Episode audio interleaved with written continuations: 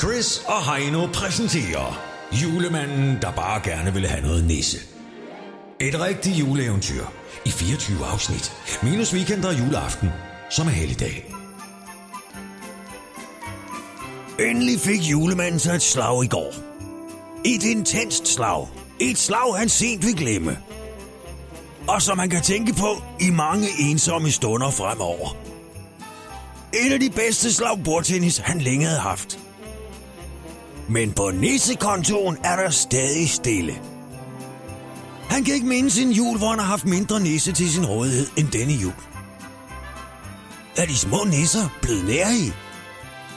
Han opførte sig skidt over for en lille snot dum møgnisse sidste år. Du er en lille møgbeskidt møgnisse. Og din lille forbandede slamnisse, fik han sagt. Men det var fordi nissen blev ved med at spille marmelade, da de spiste evenskiver. Der fik han at vide, at der ville være lukket for det varme vand fremover. Det er sidste gang, han behandler VVS-nissen dårligt. Nu har han kun haft koldt vand i et år. 14 dage til jul. Det begynder at stramme til, hvis han skal nå at få lidt nisse. Bare duften af nisse vil gøre ham glad nu.